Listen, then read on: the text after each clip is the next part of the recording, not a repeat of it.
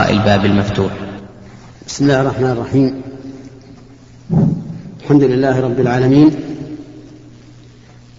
الصلاة والسلام على نبينا محمد وعلى آله وأصحابه ومن تبعهم بإحسان إلى يوم الدين. أما بعد زول شوي. أما بعد فهذا هو اللقاء الثاني في هذا الشهر شهر جمادى. الآخرة سنة ثلاثة عشر وأربعمائة وألف. يوم الخميس التاسع من هذا الشهر. نبدأ في هذا اللقاء بما وقفنا عليه من تفسير سورة النازعات. قال الله تبارك وتعالى في بيان قيام الساعة فإنما هي زجرة واحدة فإذا هم بالساهرة. زجرة من الله عز وجل يزجرون ويصاح بهم فيقومون من قبورهم قيام رجل واحد على ظهر الأرض بعد أن كانوا في بطنها. قال الله تبارك وتعالى إن كانت إلا صيحة واحدة فإذا هم جميع لدينا محضرون. كل الخلق في هذه الكلمة الواحدة يخرجون من قبورهم أحياء ثم يحضرون إلى الله عز وجل ليجازيهم. ولهذا قال فإنما هي زجرة واحدة فإذا هم بالساهرة. وهذا كقوله تعالى وما أمرنا إلا واحدة كلمح بالبصر يعني ما أمر الله إذا أراد شيئا أن يكون إلا واحدة فقط كن ولا يتأخر هذا هذا عن قول الله لحظة إلا واحدة كلمح بالبصر والله عز وجل لا يعجزه شيء فإذا كان الخلق كلهم يقومون من قبورهم لله عز وجل بكلمة واحدة فهذا أدل دليل على أن الله تعالى على كل شيء قدير وأن الله لا يعجزه شيء في السماوات ولا في الأرض. كما قال تعالى وما كان الله ليعجزه من شيء في السماوات ولا في الأرض إنه كان عليما قديرا. فإنما هي زجرة واحدة فإذا هم بالساهرة. ثم قال تعالى مبينا ما جرى للأمم قبل محمد صلى الله عليه وآله وسلم.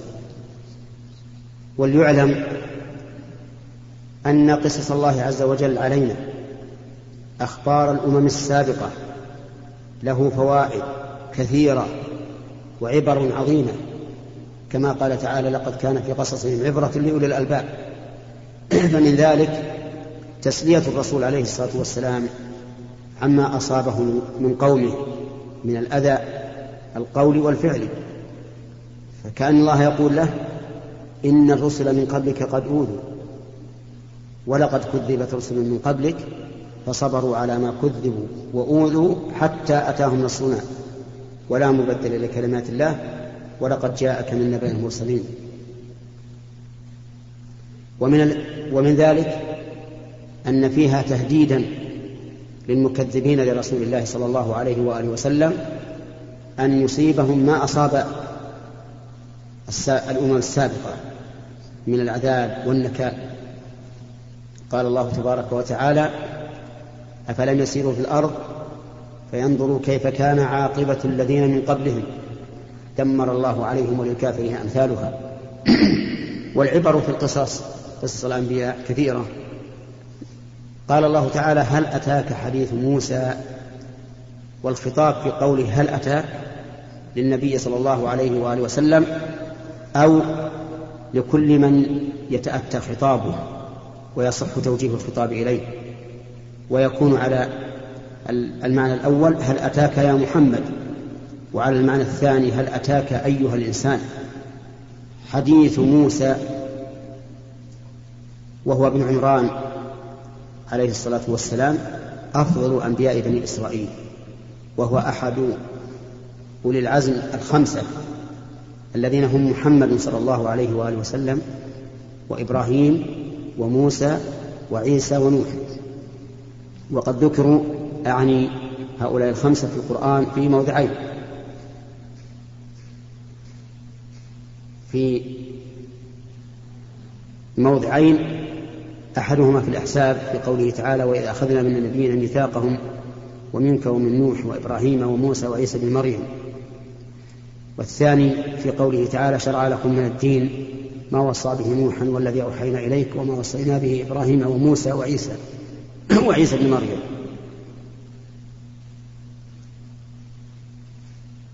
وحديث موسى عليه الصلاة والسلام ذكر في القرآن أكثر من غيره. لأن موسى هو نبي اليهود وهم كثيرون في المدينة وحولها في عهد النبي صلى الله عليه وآله وسلم فكانت قصص موسى أكثر ما قص علينا من نبأ الأنبياء وأشملها وأوسعها.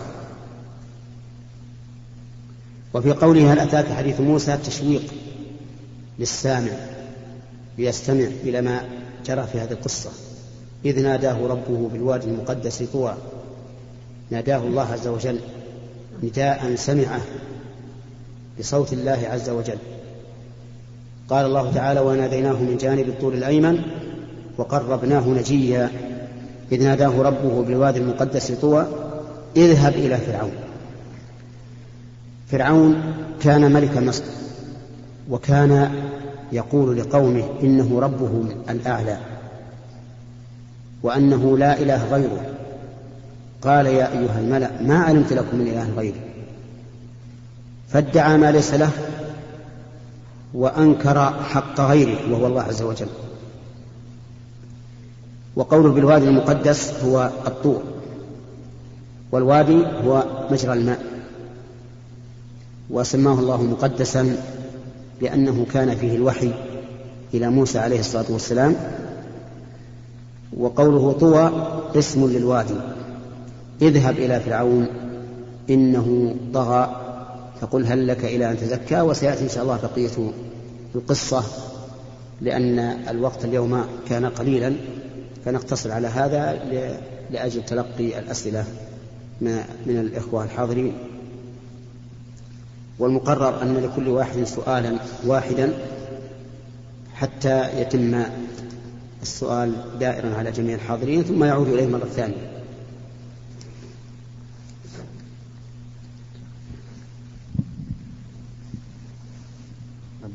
نعم تفضل. السلام عليكم ورحمة الله وبركاته. وعليكم السلام ورحمة الله وبركاته. السؤال هو رجل مسافر وعندما بقي على البلدة التي سافر إليها مسافة ساعة تقريبا دخل وقت صلاة الظهر فذهب إلى أحد المساجد فصلى الظهر والعصر جمع تقديم. فهل يعيد صلاة العصر عند وصوله؟ وهل الأفضل أن يجمع أو يصلي الظهر فقط لأنه سيصلي قبل العصر؟ سيصل. لأنه سيصل لأنه سيصل. أولا يجب أن نعلم أن المسافر يسن له قصر الصلاة الرباعية إلى ركعتين من حين أن يخرج من بلده إلى أن يرجع إليه وهذا لا إشكال فيه. وأما الجمع فالأفضل أن لا يجمع إلا عند الحاجة إلى الجمع. وبناء على هذا نقول لهذا الرجل الذي يعلم أو يغلب على ظنه أنه سيصل إلى بلده قبل أن يدخل وقت الثانية نقول الأفضل لا تجمع لأنه لا داعي إلى الجمع حينئذ. أنت لست في حاجة إليه. لكن مع ذلك لو جمع فإنه لا تلزمه إعادة الصلاة إذا قدم إلى بلده لأن ذمته برئت بالصلاة التي جمعها إلى ما قبلها. نعم. طيب شيخ لو قلنا قد يطرأ عليه مثلا في السفر ويطلب السيارة يضرب حساب الشيء كل هذا أمر متوقع. يعني ما نقول الأفضل أن يجمع لكي لا الأفضل أن لا الأفضل أن لا يجمع لأن وقوع ما يمنع الوصول ليس متيقنا ولا غالبا على الظن الغالب السلامة. السلام.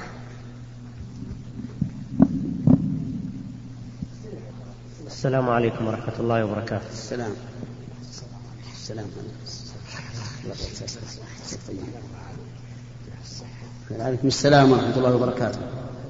انطلاقا من الآيات السابقة هل يعتبر الوادي طوى حرما؟ وبالتالي ما هي الأماكن المحرمة غير المسجد الحرام ومسجد النبي صلى الله عليه وسلم. لا يعتبر الوادي المقدس الذي كلم الله منه موسى حرما. وليس في الأرض شيء حرما إلا موضعان فقط. حرم مكة وحرم المدينة. وأما المسجد الأقصى فليس بحرم. وكذلك وادي ود في الطائف ليس بحرم فليس هناك حرم إلا إلا حرمان فقط حرم مكة وحرم المدينة. نعم. السلام عليكم ورحمة الله وبركاته. السلام ورحمة الله وبركاته. سمعني يا شيخ بقضية الدعاء قول الشخص لأخيه لا تنسانا يا أخي من دعائك. ما لكم تفصيل في هذا الأمر؟ مع ذكر قول صلى الله عليه وسلم لعكاشة عندما قال له لا اللهم واجعل ادعو الله أن يجعلني منهم يا رسول الله. آه، الدعاء يعني طلب يعني طلب الدعاء من الغير. إن كان لمصلحة عامة فلا بأس به.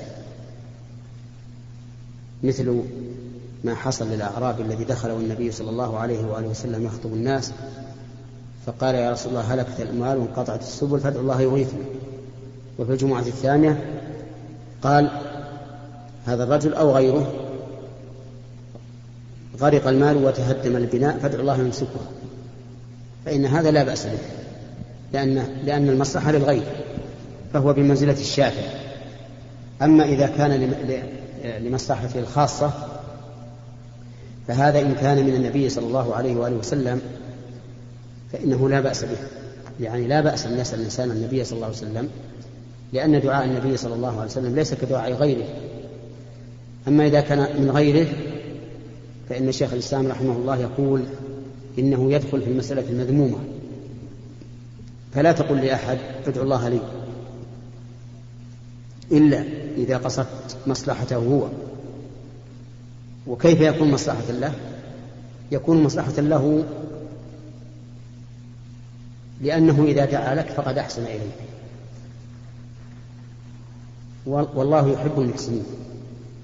ولأنه إذا دعا لك قال الملك آمين ولك بمثله. فيستفيد من هذا الدعاء الذي دعاه لك بظهر الغيب. أما إذا قصد مجرد مصلحة نفسه أي الطالب فهذا يقول شيخ الإسلام إنه من المسألة المذمومة. وفيه أيضا محذور آخر وهو أنه قد يعتمد على دعاء هذا الرجل ولا يدعوه لنفسه. وفيه مسألة ثالثة وهو أن المسؤول ربما يغتر ويرى أنه رجل صالح يطلب دعاؤه فيزهو بنفسه ويعلو بنفسه. فأنت يا أخي ادعو الله أنت بنفسك لأن دعاءك لله عبادة سواء أجابك أم لم يجبك. ودعاؤك دعاؤك ربك صلة بينك وبينه. فألح على الله في الدعاء. بدل من أن تقول لشخص من الناس ادعو الله لي. حديث عمر لا تنسني يا أخي من سأل دعاءك. هذا هذا ضعيف. نعم.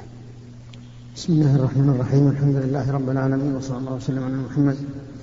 فضيلة الشيخ مر علينا في بعض الدروس. أن أن من انتمى إلى غير أبيه أنه مذموم. فما رأيكم في من ينتمي إلى جده من قبل أبيه؟ ومع أن بعض الناس يستحقر أبوه لأن جدها أشهر من أبوه. أما أما الانتماء إلى الجد الأعلى لشهرته وسيادته في قومه مع بيان أن أنه جد له في محل آخر فهذا لا بأس به. فقد قال النبي عليه الصلاة والسلام أنا النبي لا كذب أنا ابن عبد المطلب. مع أن أبو مع أن أبا الرسول عليه الصلاة والسلام كان اسمه عبد الله. لكن انتسب إلى جده لشهرته وسيادته في قومه مع العلم بأنه هو ابن عبد الله. أما إذا انتسب إلى جده متناسيا أباه ولا ينتسب إليه في أي وقت من الأوقات فهذا لا يجوز.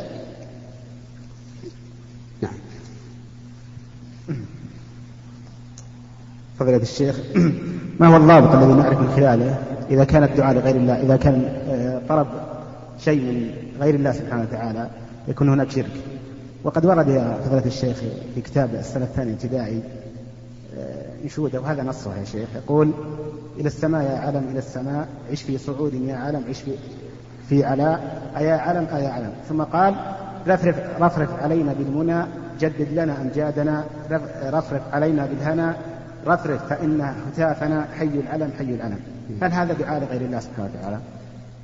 لا شك أن هذا الكلام خطأ. وأن العلم لا, يج... لا... لا ليس هو الذي يعيد المجد والشرف وإنما الذي يعيده التمسك بكتاب الله وسنة رسوله صلى الله عليه وآله وسلم. فإن الله هذا هو السبب الحقيقي الذي جعله الله سببا للرفعة. والعز والشرف. قال الله تبارك وتعالى ولله العزة ولرسوله وللمؤمنين. وقال تعالى وعد الله الذين آمنوا منكم وعملوا الصالحات ليستخلفنهم في الأرض كما استخلف الذين من قبلهم وليمكنن لهم دينهم الذي ارتضى لهم وليبدلنهم من بعد خوفهم أمنا. أما دعاء العلم فإنه لولا علمنا بأن الداعي إنما يريد أن العلم سبب لا أنه موجد لقلنا إن هذا شرك شرك بالله فهو كالذي يدعو الشجرة ويدعو الحجر في الجاهلية. لكن نعلم أن هذا القائل لا يريد أن العالم نفسه هو الذي يأتي بالعزة والمجد والشرف وإنما هو سبب. فمن أجل ذلك لا يمكن أن نحكم بأن هذا شرك أكبر لكن مع ذلك نقول هو من نوع من الشرك الأصغر حيث جعل ما لم يجعله الله سببا سببا.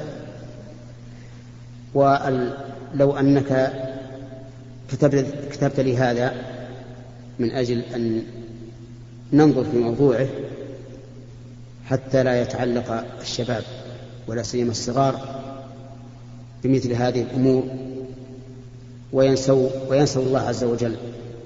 نعم. بارك الله فيك. اكتبها إن شاء الله لنا. نعم. السلام عليكم ورحمة الله وبركاته. السلام ورحمة الله وبركاته. ما رأيك يا شيخ في أن هناك مشايخ آه، ضرار في النظر يعني لا يرون فيدرسون في مدارس الثانوية أو المتوسطة للبنات. فعندما تريد آه، المرأة عند قراءة القرآن يجب أن ترتل فما رأيك عن تحسين صوتها أمام الرجل؟ تدريس الأعمى للنساء إذا كان موثوقا لا بأس به. أما إذا كان مشتبها فيه فإنه لا يجوز أن يدرس بل يجب أن يمنع من التدريس على أي حال كان.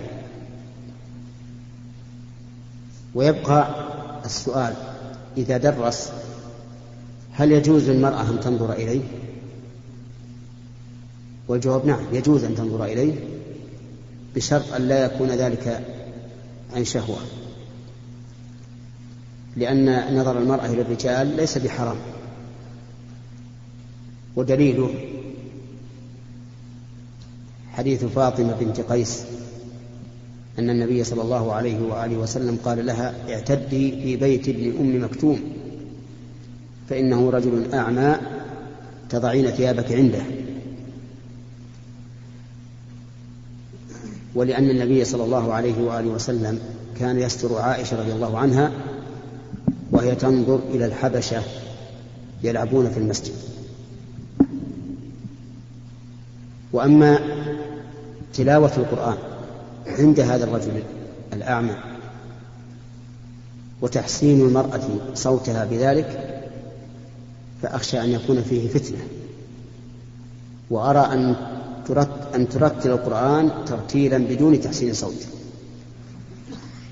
لأن تحسين الصوت خطير بالنسبة للمرأة ولا سيما الشاب.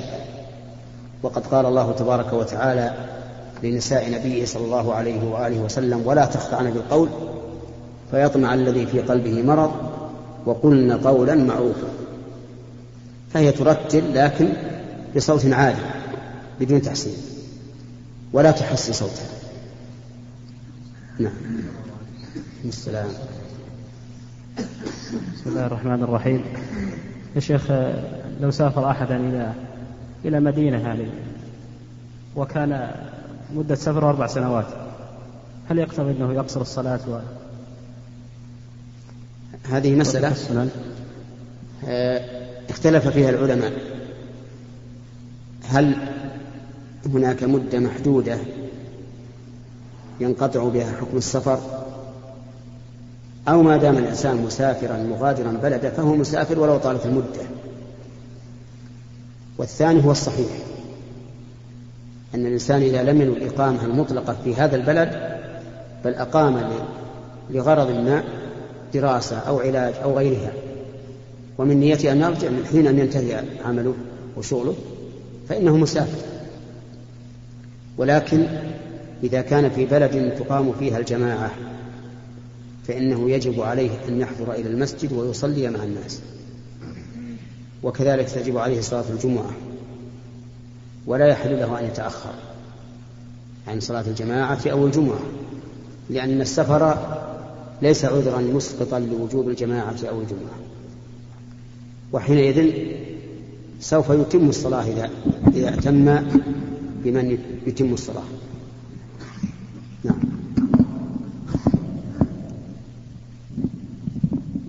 شيخ عفى الله عنك ما حكم استعمال آه، النظارات أو الأواني الملونة بلون الذهب؟ الأواني المطلية بالذهب إن كان يجتمع من هذا الذهب شيء إذا عرض على النار يعني إذا قال الصائغ هذا الذهب لو عرض على النار لاجتمع منه شيء. فإن المطلي بها محرم لأنه استعمال لذهب.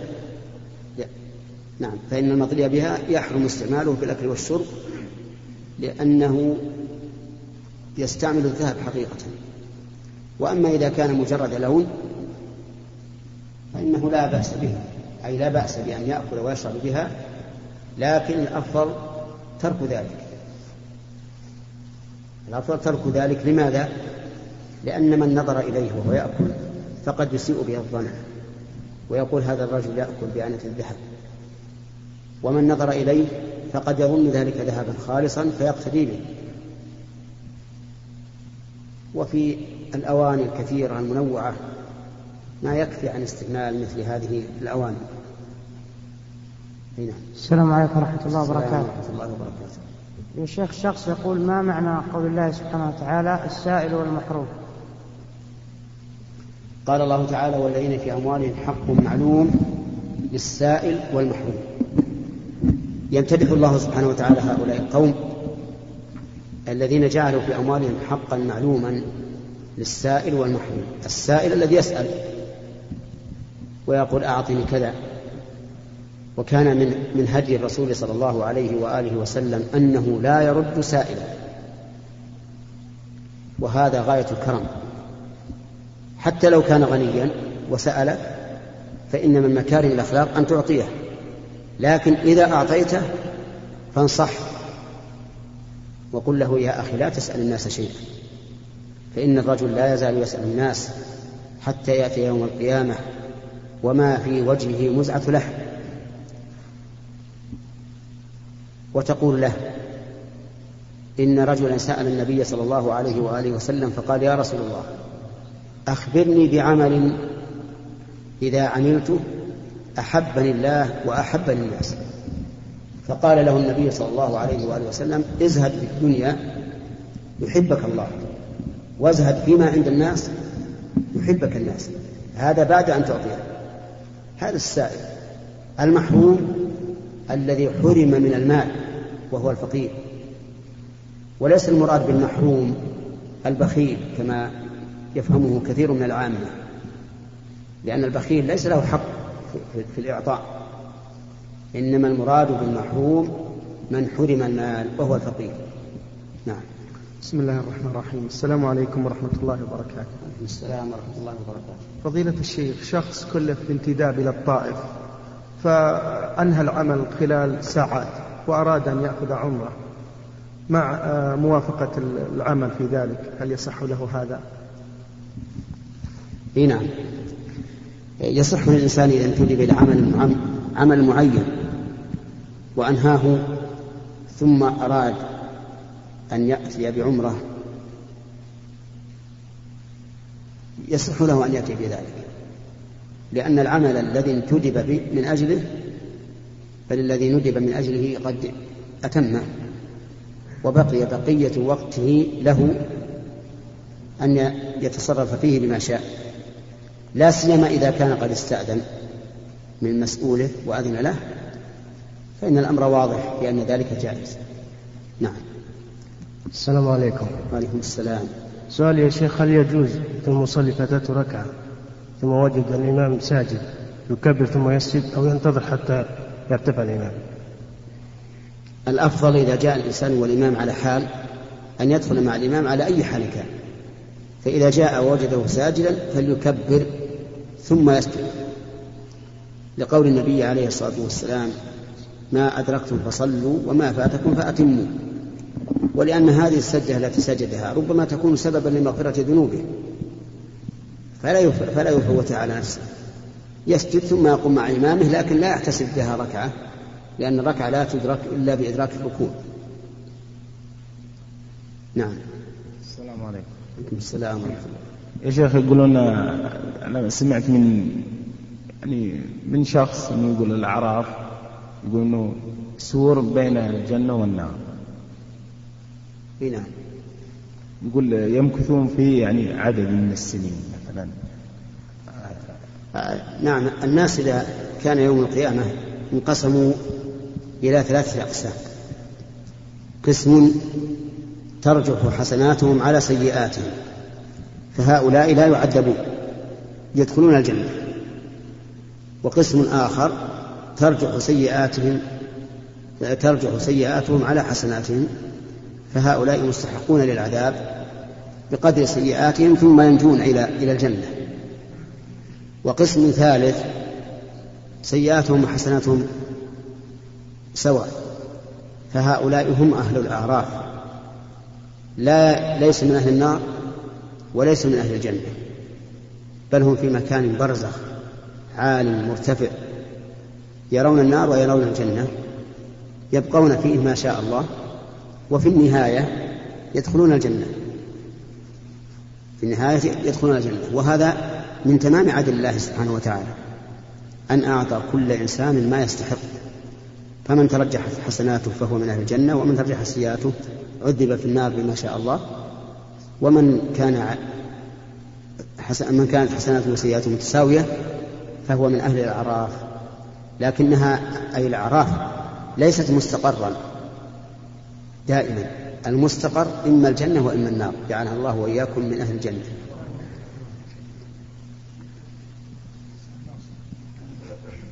السلام عليكم. نعم. يا شيخ ما رأيك يقول المطاوعة يقرون يسوون عزايم؟ إيش؟ يذهبون للمطاوع اللي يقرون يسوون عزايم ما يسمونه هو عزايم آيات قرآنية ويقول نضعها حجر مخدة أو بلة واشرب فيها ماء. أما الاستشفاء بالقرآن فإنه مشروع.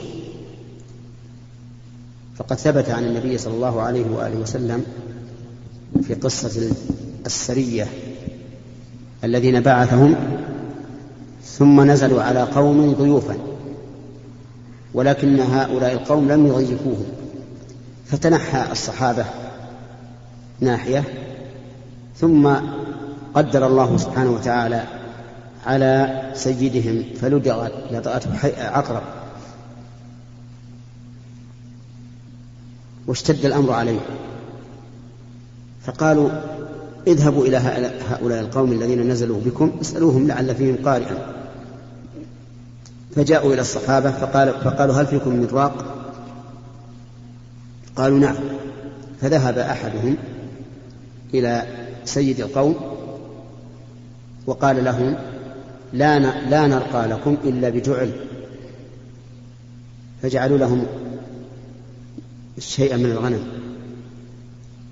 فقرأ الرجل على اللدير سورة الفاتحة.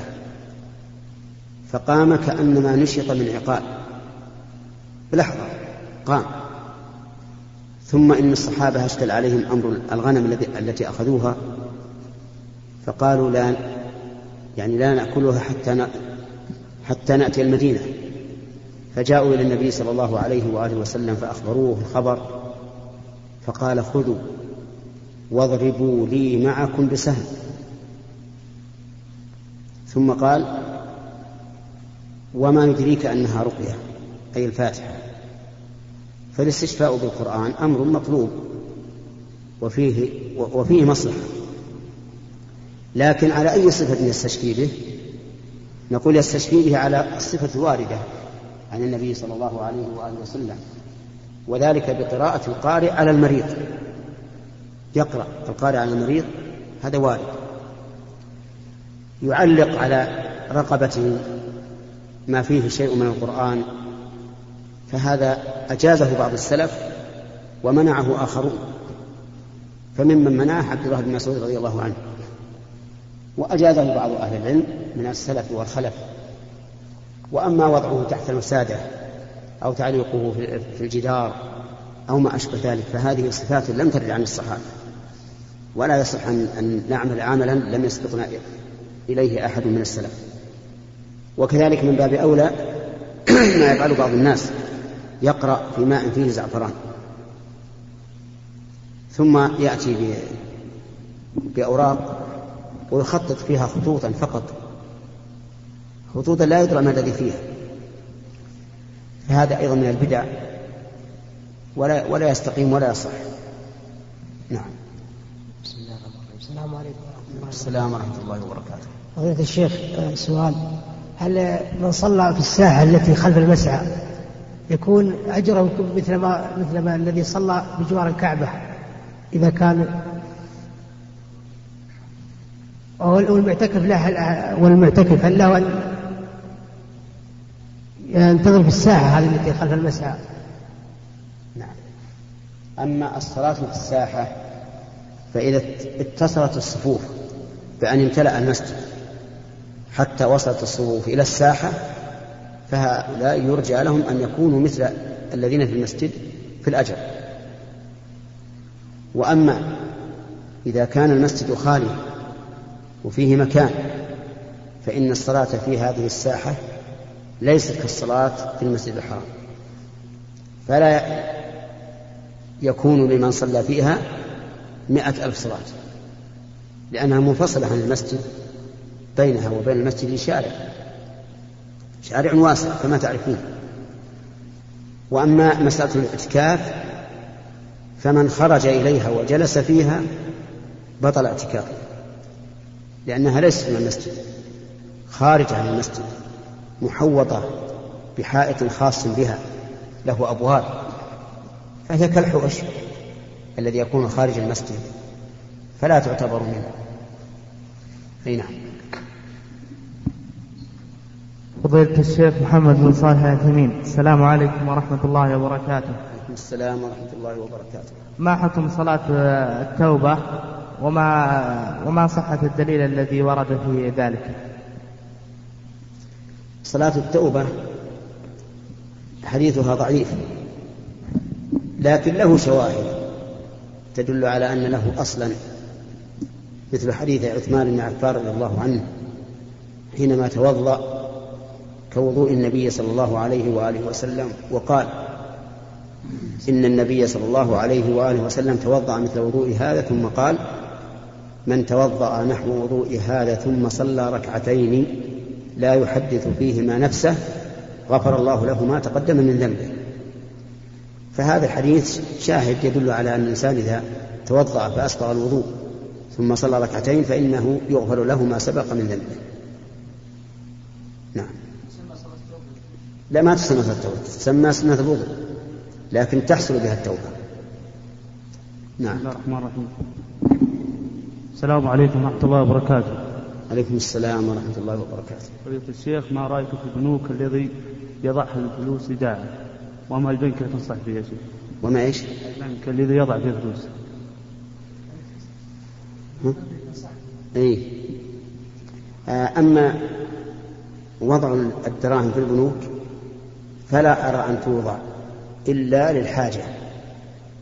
مثل أن يخاف الإنسان على الدراهم في بيته فيضعها في هذه البنوك بالحاجة إلى ذلك. وأقول إنه يجوز وضعها في البنوك للحاجة لأن البنوك ليست ربا مئة في المئة. إذ أن لها معاملات كثيرة طيبة ليست حراما وإلا لو كانت معاملتها ربا مئة في المئة لقلنا لو تحترق فلوسك لا تضعها عندك لأنك تكون مشاركا لهم في الربا. وعلى هذا فنقول إن دعت الحاجة إلى وضع البنوك إلى وضع دراهمك في البنوك فإن كانت البنوك لا تتعامل إلا بالربا فلا تضعها فيها أبدا. لو تحترق الفلوس أو تحفر لها حفرة تجعلها فيها فلا تجعلها في البنوك. وأما إذا كانت تعمل بشيء مباح وشيء حرام فلا بأس أن تضع الفلوس عندها للحاجة وأما أي البنوك أحسن؟ فأنا لا أعرف أي البنوك أحسن وأكثر معاملة في الربا. لكن يقال أن شركة الراجحي هي أسلم من غيرها في في في التعامل في الربا. نعم. السلام عليكم ورحمة الله وبركاته. السلام ورحمة الله وبركاته. كنت موظفا في إمارة أحد القرى التي تبعد عن منزلي حوالي 75 كيلومتر. طريق صحراوي معاد وعندما كنت أتردد لحقتني المشقة فقلت لأمير المركز إذن لي أداوم يومين في الأسبوع. فكان يأذن في بعض الأيام وبعض الأيام لا يأذن لي. ومضى على ذلك عامين. فما حكم الأيام التي كنت أغيب فيهن من غير إذن؟ من, من أمير المركز. من غير إذن؟ نعم. الأيام التي تتغير فيها عن عملك بدون إذن لا يحل لك أن تأخذ ما يقابلها من الراتب لأن الراتب في مقابلة العمل. فإذا أتممت العمل استحققت الراتب كاملا وإن نقصت لم تستحق. وإذا كنت الآن قد أخذت الراتب كاملا بدون خصم فالواجب عليك أن ترده إلى, ما إلى من أخذته منه إن أمكن. وإن كنت تخشى من مسؤولية وتعب فتصدق به تخلصا منه. أو أدخله في عمارة مسجد أو في إصلاح طريق لتسلم من من, من إثمه. نعم. لو لو استأذنت من نفسه لو حتى لو استسمحت في ذلك إذا استأذنت منه أي من المسؤول المباشر عندك نعم. وأذن لك فانظر هل إن العمل يحتاج إلى وجودك؟ فلا تقبل منه الإذن. يجب أن تحثر ولو أذن لك بالغياب. وأما إذا كان العمل لا يحتاج وأذن لك صاحب المباشر فأرجو أن لا يكون في ذلك بأس. نعم.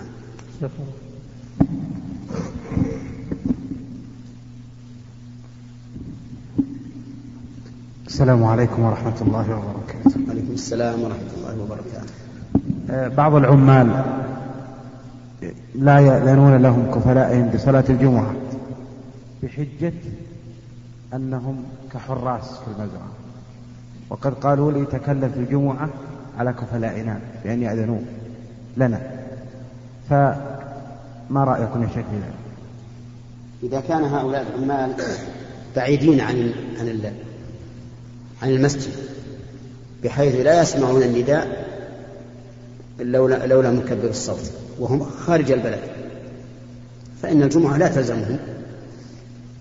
ويطمئن العمال إلى أنه لا إثم عليهم في البقاء في المزرعة ويصلون ظهرا.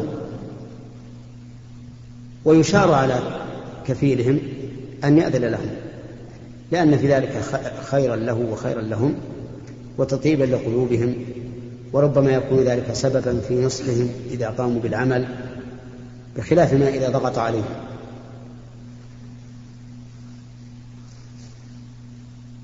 وكثير من العمال يطلبون الصلاة صلاة الجمعة من أجل أن يلتقوا بأصحابهم ومعارفهم. ولهذا تجدهم يأتون إلى الجمعة ويجلسون في السوق يتحدثون إلى أن يحضر الإمام. فإذا حضر الإمام دخلوا المسجد وجلسوا يتحدثون في نفس المسجد والإمام يخطب. ومثل هذا العمل يدل على أن صاحبه لا يريد أن يصلي الجمعة إنما يريد أن يجتمع إلى أصحابه وعرفائه أو معارفه فقط. والله أعلم بالنيات. والمدار هو على ما سبق. إذا سمعوا النداء لولا مكبر الصوت وهم في البلد فليحضروا وإذا كانوا خارج البلد فلا عليهم فليس عليهم شيء نعم. السلام عليكم ورحمة الله وبركاته وعليكم السلام ورحمة الله وبركاته يا شيخ أنا إنسان متزوج وأبغى أحج بس علي دين هل يصح لي أحج ولا لا؟ الأفضل لمن عليه الدين أن يقضي الدين أولا لماذا؟ لأن الحج لا يجب على الإنسان وعليه دين ليس بواجب. يعني الإنسان اللي عليه دين وإن كان في يده مال يستطيع أن يحج به كالإنسان الذي ليس عنده مال. والدين قضاؤه واجب والحج على المدين ليس بواجب. فلا ينبغي للإنسان أن يقدم ما ليس بواجب على ما كان واجبا. فنقول لا تحج حتى تقضي الدين الذي عليك. ودرهم تصرفه تصرفه في دين عليك خير من درهم تصرفه في حج لا يجب عليك. لو توفي ليس عليك شيء نعم. السلام عليكم ورحمة الله وبركاته. السلام ورحمة الله وبركاته. شيخ حفظك الله أكثر الدعاة الله سبحانه وتعالى في هذه البلاد آه، قد يكونوا أئمة ومؤذنين. وعليهم طلب كثير من القرى المجاورة أو البلاد المجاورة. نعم. فهل يعني حفظك الله يعني لو يأخذون فتوى خاصة؟ لأني سمعت فتوى قبل فترة من شيخ تقول ما يجوز يترك الإنسان المسجد ويذهب إلى الدعوة الله عز وجل. نعم. يعني المسجد أفضل أن يبقى. نعم. فنحتاج الحقيقة إلى فتوى خاصة حقيقة إلى هؤلاء الدعاة الذين عليهم طلب كثير. يعني يتصل عليهم بلاد الجرى كثير يعني يريدكم تأتون تزورون وكذا فهذا فيه حرج الحقيقة على الأئمة والمؤذنين. ف... والله اللي أرى كما قلت أنه لا يجوز للإنسان أن يدعى مسجده من أجل أن يدعو الناس. وذلك لأن الدعوة إلى الله فرض كفاية قد يكون قد قام بها من يكفي والقيام بواجب الوظيفة فرض عين. فلا يجوز أن تذهب إلى الدعوة وتدع المسجد.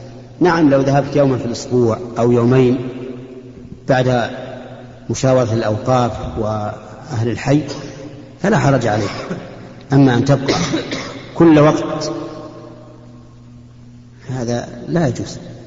وإذا كنت ملحا على أن تدعو إلى الله فاترك الإمامة أو المأذنة. نعم. حتى لو وقت.